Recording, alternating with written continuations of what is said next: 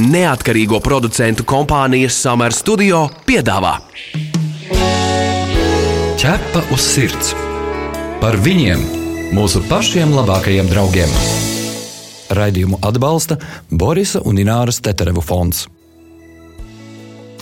Esiet sveicināti! Radījums ķepos sirds ir kopā ar jums. Kārtējā pirmdienas vakarā sveicinām jūs no Latvijas radio pirmā kanāla studijas. Mani sauc Magnus Eriņš. Mani sauc Inese Kreitsberga. Labvakar, labvakar visiem dzīvnieku draugiem. Vai arī jūs esat dzirdējuši frāzi, nu, man jau nav nekāds lepnais suns, manējais vienkārši nu, nav izvēlīgs, nav jau kā šķirnes suņi, vai ne? Vai arī suns aizgājis citos medību laukos un jāņem cits sunīts. Nu, paņemsim to no patvērsmes, bet pagaidiet, pagaidiet, patvērsmē par suni ir jāmaksā. Ko? Kāpēc? Es taču palīdzu patvērsmē, nu, viņiem to sunīšu daudz, bet uh, viņiem jāpriecājas, ka es paņemu. Jā, un tādu un vēl daudz stereotipu ir ļoti dzīvi mūsu Latvijā. Piemēram, es esmu dzirdējis arī to, ka, piemēram, vecmāmiņai nomiris sunīts, un tad mazbērni grib aizvest sunīti. Nu, paņemsim no patvērsmes un aizvedīsim. Un tad brīnās, ka tajā patvērsmē tā kā, nu, nedod, jo tas potenciālais saimnieks pats nav klāts. Un tāpēc par šiem daudziem stereotipiem, kā varbūt izvēlēties pareizi mīlu patvērsmē, mēs runāsim kopā ar mūsu studijas viesi. Šodien studijā pie mums ir dzīvnieku patvērsmes ulubele vadītāja Ilze Džonsone. Labdien, Ilze! Labdien, labvakar visiem! Ķepa uz sirds jautā ekspertam! Uh, jā, nu tad jautājums ir tāds, kādi šobrīd ir suņi un kaķi, kas savus saimniekus gaida patversmē? Nu, vai mēs varam pateikt tādu vidējo vecumu, izmēru, mazsunīši, lielāki, nu tā vidēja vajadzētu iezīmēt? Dzīvnieki, suņi, kaķi patversmē ir daudz un dažādi. Ulubelē, pat cik ulubele ievēro un ir dibināta dēļ naukila principa, mēs nevienu nesūtam uz mākoņu maliņas, ja viņš necieš sāpes un nav galīgi slims.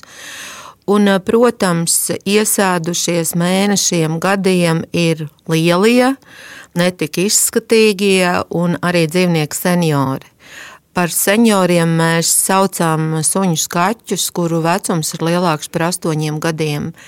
Jo vēl joprojām, nu, drusku mainās tā situācija, bet vēl joprojām standarta dzīvnieka gribētājs, kas atbrauc uz patvērsmi, ir dodat man vissmukāko mazulīti, tādu, kas ilgi dzīvos, ir pilnīgi vesels, un ja viņš vēl izskatās bišķiņ tā kā šķirnīgs, nu tad, protams, sāks pat tāda tā kā ažiotāžu un uz tādu maziņu, kas izaugot nebūs liels un arī būs maza auguma un izskatās vēl pēc šķirnes, sastājās burtiskā nozīmē rinda.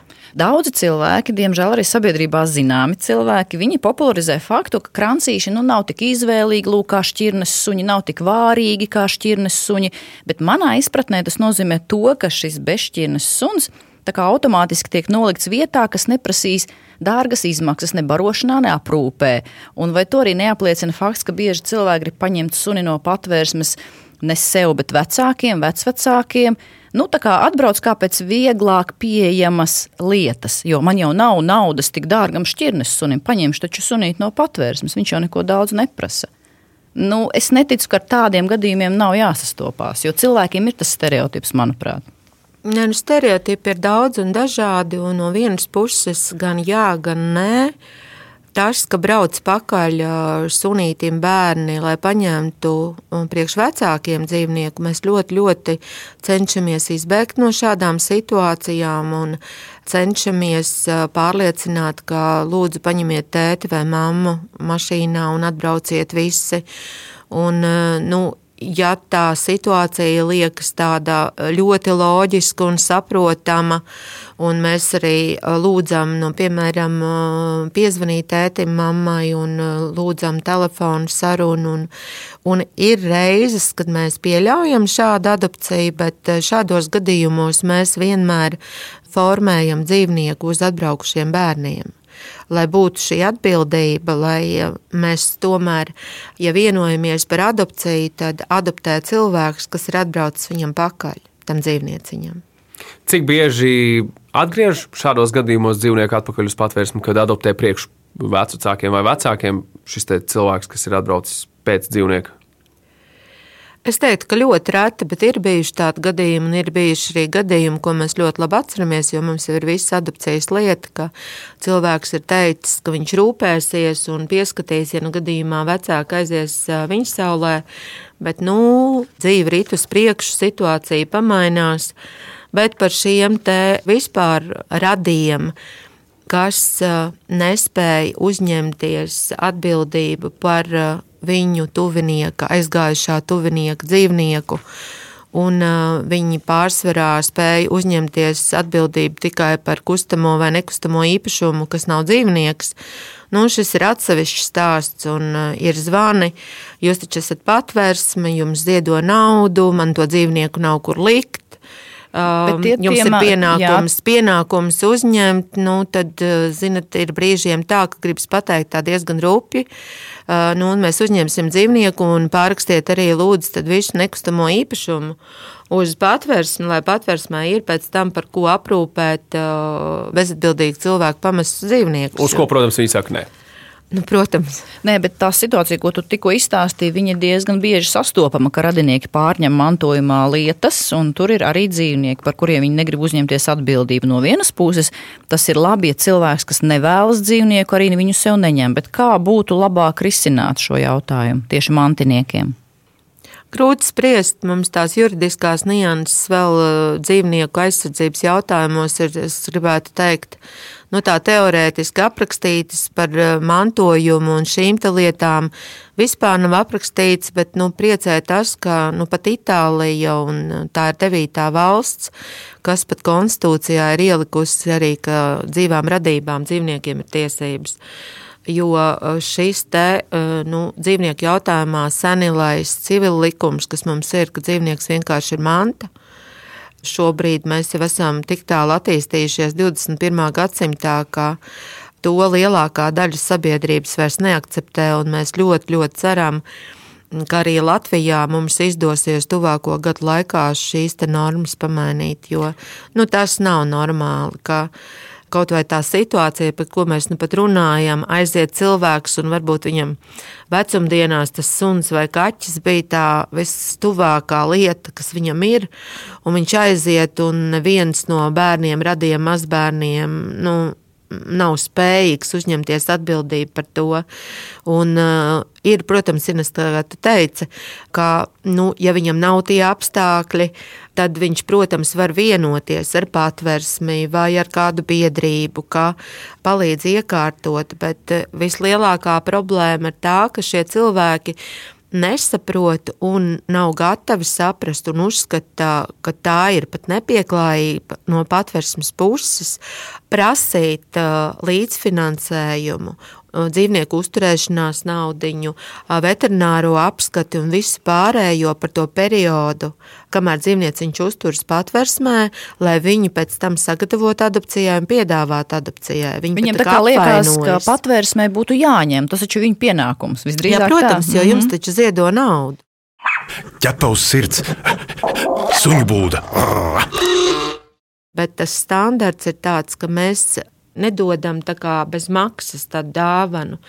Jo mūsuprāt, šis līdzfinansējums, par ko mēs vienojamies patversmē uz vietas ar nākamo adoptētāju, ir pirmais kritērijs, lai viņš vispār saprot, ka tas nav tāds mirkli iegrība, reku man es atbraucu, man tāds fanu garstāvoklis, no nu, es paņemšu bez maksas, un ja man apniks, nu, es tikpat viegli tā kā tas, kas ir bez maksas, vēl joprojām lielā daļā cilvēku tam nav nekādas vērtības. Un tas, nu, tā, lai jūs saprastu, mēs paši esam tā vienojušies, ja cilvēks nevar mēnesī atvēlēt 30 eiro budžetu savam sunītam vai kaķim, nu, tad viņam vispār nevajadzētu pa domu tādu turēt, ka viņam vajag dzīvnieku. Jo... Es uzreiz varu pačuksēt priekšā 30 eiro mēnesī kaķim nepietiek. Nu, ja tu viņu jālutina, bet mēs kā par tādu minimumu runājam, bet tas jau ir tikai par uzturēšanu. Cilvēki visbiežāk, starp citu, Latvijā ir tas unikālais moments, ka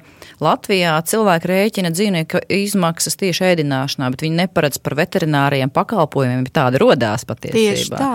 A, bet kāda ir vidēji nu, tas līdzfinansējuma apjoms? Nu, iezīmējam 100 nu, eiro, 200 300. Nu, lūk, un tāpēc mēs arī to kā pašu minimālo robežu esam uzlikuši tos 30 eiro. Tas būtu par dzīvnieku, kas jau ir seniors, lai mēs vispār saprastu, ka tas cilvēks var uzņemties rūpes. Un, kā, un senioriem, kas vēl bonusā nāk, nu, tā ir pilnīgi simboliska tāda maksa, kas, protams, nav tā, ka viņi ir akmenī iecirsti, jo ir gadījumi, kad mēs šo maksu neprasām. Piemēram, atbraukts fantastisks pensionāru pāris. Un, nu, pēc stāsta, pēc viņu visa tā izturēšanās, mēs saprotam, ka nu, tam sunītam vai kaķītim būs uh, ideālā māja un vieta. Un Ulubela, ko vēl pati ir izdomājusi un dot līdzi senioriem zelta veselības polise, kas nozīmē, ka visu dzīvnieciņu mūžu veterinārā aprūpe mūsu klīnikā vai saskaņojot ar mums ir, ir saimniekiem bez maksas. Nu, mums tās liekas tāda ļoti, ļoti liela pretimnākšana, bet, protams, jāsaprot, kā patversmes sagatavo dzīvniekus adopcijai, un adopcijai nevienu dzīvnieku nevar sagatavot, ieguldot viņā veterinārijā tikai 30 eiro jo patversmes visus pieaugušos dzīvniekus atdod sterilizētus. Šobrīd sterilizācijas jau maksā Krietni nu, vairāk, vismaz 100 eiro. Manuprāt. Nu, 100 eiro tā ir absolūti vidējā maksa par suņa sterilizāciju, un kuts maksā vēl dārgāk. Un, tāpēc, tāpēc tā līdzmaksājuma gradācija patversmē ir sekojoša, jo vecāks dzīvnieks, jo līdzmaksājums ir nelielāks, un jo tas dzīvnieks ir maziņāks un smukāks un fifīgāks, un tur, kur tiešām ir tā, ka nu, ir trīs vai četri vai pieci gribētāji uz vienu, un telefons ir karsts, un nedod Dievs, mēs pat tos it kā šķirnīgos pat neliekam fotografijas iekšā mājaslapā, jo mēs saprotam, ka tad vienkārši zvanīs nepārtraukti. Un tas būs tāds absolūtais trakums. Un, jā, ir bijuši gadījumi, ka par šādiem it kā smukuļiem un it kā šķirnīgiem mēs lūdzam daudz ievērojamāk līdzmaksājumu. Ilzi, man jautājums, vai ir bijusi vairāk solīšana? Merkantils jautājums tajā pat laikā, bet vai ir bijusi vairāk solīšana par kādu dzīvnieku patversmē? Nē. Tā gan mēs nedarām. Ka mēs... ir trīs cilvēki, kuriem ir gatavi paņemt un maksāt visu, ko vien viņi ir gatavi izlikt. Nē, tā mēs tiešām nedarām, jo nu, vienmēr ir tas godīguma princips, ka tas, kas ir pirmais noskatījis, un it īpaši pirmais skaitās tas, kas ir šo dzīvnieciņu, piemēram, izglābs no ielas, jo ir tiešām nu, atsaucīgi cilvēki. Jā, jā. jā, un Latvijā likums nosaka, ka, ja tas dzīvnieks nav identificējams, un mēs nezinām, vai viņš ir vienkārši noklīdis vai pazaudējies, 14 dienas jebkuram dzīvniekam ir tiesības gaidīt savu iepriekšējo īpašnieku. Un tad ir tā, ka šie ziņotāji vai atradēji, tad viņi ir pirmie, jo ļoti daudz saka, ka man tā iekrita sirdī šis te, un ja, ja neatbrauks īstais saimnieks, tad es viņu gribētu ņemt sev. Atgādinām, ka pie mums šodien studijā ir dzīvnieku patvērsmes Ulubele vadītāja Ilze Džonsone, un mēs runājam par dzīvnieku adopciju. Protams, šo radio pārraidi varat dzirdēt arī podkāstu formā, straumēšanas servisos, kā arī Latvijas radio mājaslapā, Latvijas radio arhīvā. Tu esi mans draugs, ķepus sirds. Nu, kā cilvēkam saprast, kādu suni vai kaķi izvēlēties patversmē. Es esmu dzirdējis ļoti daudz stāstu, tādas vai, vaimanas, kad uz patversmes braukt nevaru, jo es tur visus paņemtu, bet tā, man liekas, ir tāda lišķība un tāda nu, nepatiesība. Ne? Nu, tu tur paņemsi visus, ne arī visus gribēsi. Katram tomēr ir tas savs. Un tad ir jautājums, kā ir pareizāk gaidīt to klikšķi, jeb klausīt ieteikumu no kinologa, kas paņemts varbūt līdzi, vai patversmes darbiniekam jautāt? Nav pareizo vai nepareizo variantu. Nu, nu, tas, ka ir kāds klikšķis mūsu dzīvē, katram ne tikai izvēloties dzīvnieku, vienmēr ir kaut kāds notikumu klikšķis, un, un ja ir tā sajūta, tad nevajag viņu laist garām. Es pati, lai arī Esmu Ulubelē no dibināšanas dienas, un pirms tam vēl darbojusies dzīvnieku aizsardzībā. Visi dzīvnieki manā mājā ir nonākuši klikšķu dēļ. Vai nu kāds ir bijis pārāk savainots, ka es saprotu, ka, nu, ja es viņu šovakar nepaņemšu, ka viņš rīt nesagaidīs, Un es atbraucu mājās, un man saka, atkal kārtējais, nu, ko, ko tu dari? Un pēc tam, kad es saku, nu, nu, jau ir vesels, un varbūt tad dodam atpakaļ uz patvērsmu un iekārtojam, tad jau mājnieks saka, nē, nē, nu, šis jau ir iejuties, nu, lai jau paliek. Ir arī bieži novērots tā, ka atbrauc apņēmības pilni, ka grib mazu kaķīti un pat ir izdomājuši krāsu, ka ņems kaķēnu, tur, piemēram, rudu noteikti, jo tas nes veiksmi un naudu un aizbrauc mājās, piemēram, ar melnu un pavisam lielu un vēl, vēl pat iespējams senioru. Labi, labi, Kā, bet kā jūs pasaules malā patiesībā par šo? Melni kaķi, melnbalti kaķi Japānā ir veiksmes simbols. Melns kaķis Japānā ir labākais, kas var notikt ar tevi. Rucnē. Arī Latvijā mākslinieks kaķis ir labākais, kas var notikt. Bet, nē, kāpēc es to prasu par to klikšķi? Bet, ja nu klikšķis ir 85-gadīgai tantiņai, kur ierauga ļoti aktīvu, bet nu skaistu suni, tas nekas, ka viņam tur varbūt tas suns viņu aizvedīs mežā, jā, viņi nespēs viņu noturēt, bet viņi grib to suni. Kā tad paskaidrot, ka tas, tas klikšķis varbūt nav tas īstais, jo noteikti ir tādi gadījumi. Ir ļoti grūti paskaidrot, un ir um, pēc tam uh, nereti. Nu, es, es gan saku, paldies Dievam, reti ir apvainošanās, un ir pat zvani uz Bestabū vai, vai vēl citiem raidījumiem. Redz, kā es atbraucu, labu gribēju izdarīt. Un, bet nu, te ir jāsaprot, ka patversme nekādā ziņā nav veikals, un mēs paturam tiesības izlemt paši darbinieki kopā ar nu, mājiņas vecāko, vai mūsuprāt šim te cilvēkam tas dzīvnieks, ko viņš ir noskatījis, būs piemērots. Mēs paturam tiesības atteikt tieši konkrēto dzīvnieku. Mēs paturam tiesības vispār nedot šim cilvēkam dzīvnieku, jo mums pēc mūsu pieredzes vai kādām sajūtām liekas, ka viņš nu, tiešām nespēs tikt galā. Un, protams, cilvēku reakcijas ir ļoti dažādas. Tāpat kā, ja mēs atgriežamies pie tā paša līdzmaksājuma, mēs paši paturam tiesības, vai šis būs tas cilvēks, kam mēs uzticēsim šo dzīvnieku dzīvnieku pilnīgi neprasot nekādu līdzmaksājumu, vai tomēr mēs lūksim šo līdzmaksājumu. Jo jāsaprot, ka mm, situācijas ir ļoti, ļoti dažādas, un ja mēs par katru dzīvnieku lūgtu nosegt visas tās izmaksas, cik patvērsme par viņu ir iztērējusi, viņu ārstējot, glābjot vai tās pašu, nu, apmaksājot to pašu uzturēšanās laiku, nu, tad mums droši vien būtu nevis 500 dzīvnieki patversmē, bet 5000 dzīvnieku patversmē. Tā kā, nu, protams, tas viss ir ļoti, ļoti nu, izjūtu līmenī. Ilzi, vai tu vari mums pastāstīt par to, ko cilvēki joprojām nesaprot, adoptējot dzīvnieku no patvērsmes? Jo, nu, manuprāt, ir, ir tāda lieta, ka sākumā nu, noteikti būs jādomā, kā tu varēsi palīdzēt dzīvniekam, nevis otrādi. Nu, tas varētu būt tas, tas pats pirmais, vai ne? Tas iemesls, kāpēc vispār tu ej kaut ko tādu darīt. Vai paldies tev par šo jautājumu.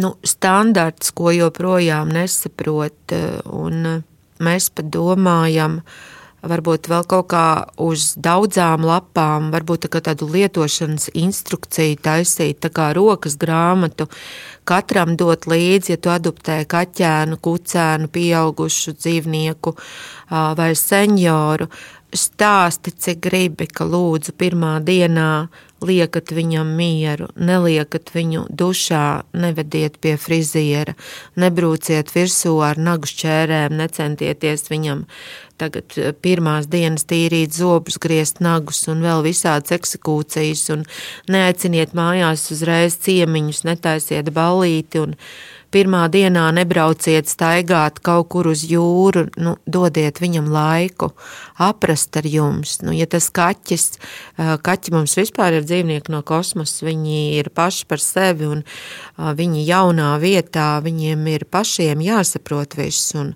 mēs vienmēr stāstām, ja viņš pirmās dienas sēž zem gultas, nu, nelieniet apakšā ar slotu, nemēģiniet viņu no turienes dabūt ar slotu ārā un nemēģiniet viņu pirmā dienā vai otrā likt viņam sēdēt klēpī.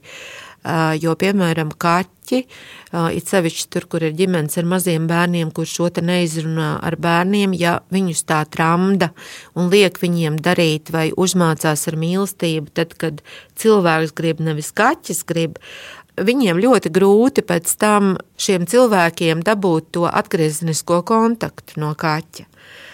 Jo kaķim patīk, tad, ka viņu mīlot, tad, kad viņš grib. Jā, jā.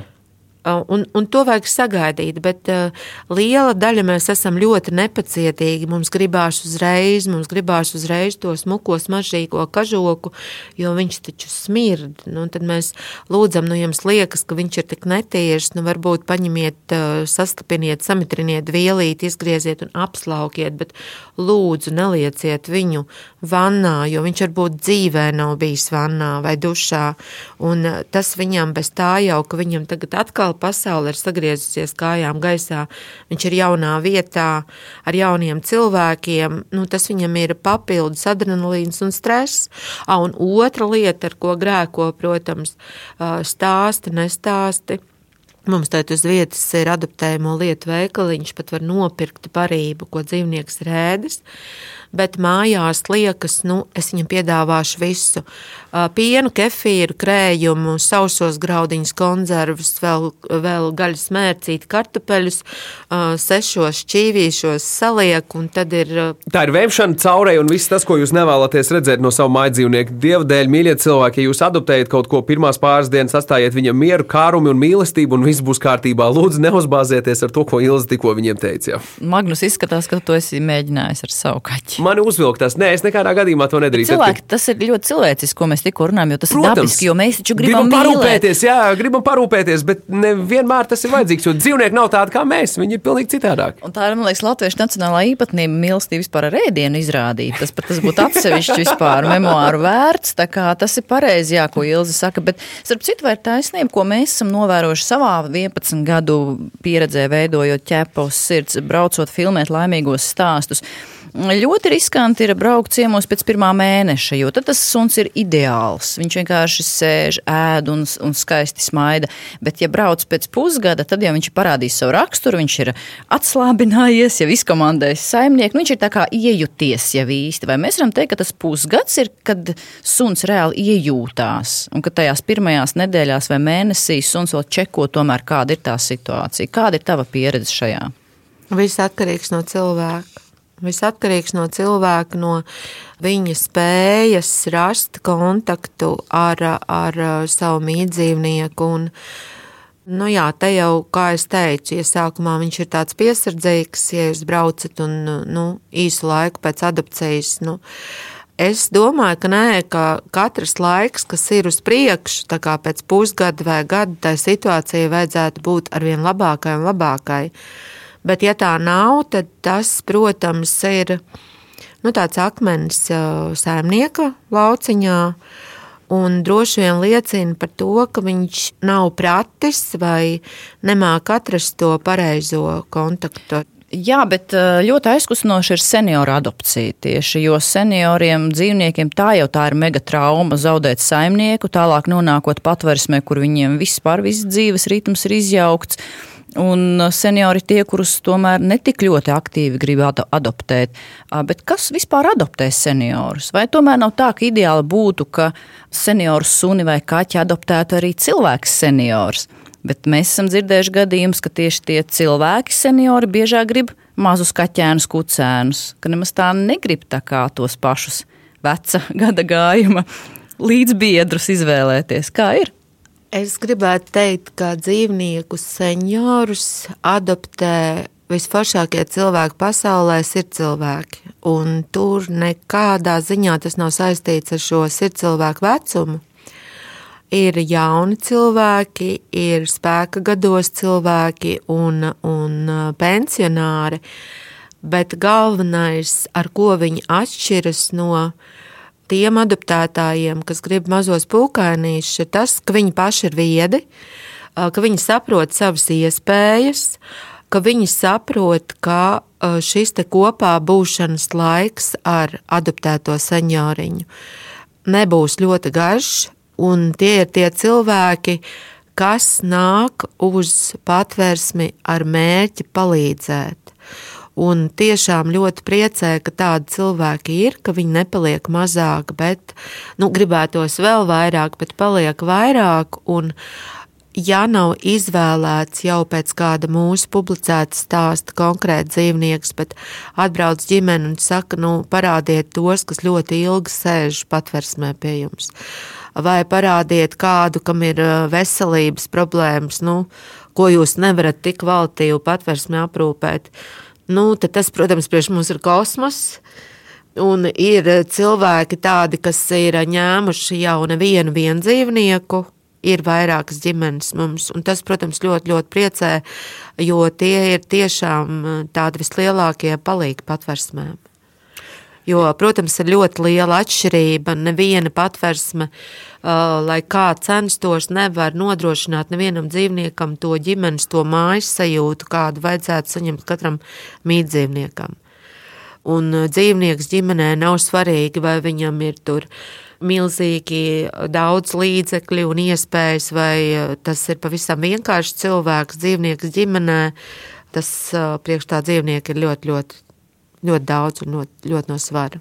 Ilze, vai tu vari padalīties ar kādu stāstu, kur tu esi pieredzējusi, kur notiek nu, tādi īsti reāli brīnumi? Nu, piemēram, suns ļoti ilgi ir atradies patvērsmē un beigu beigās sagaida savu saimnieku. Es atceros, raidījumā ķepa uz sirds. Nu pat bija stāsts par žužu, kas piecus gadus gaidīja un sagaidīja, pati būdama seniors, savu saimnieku.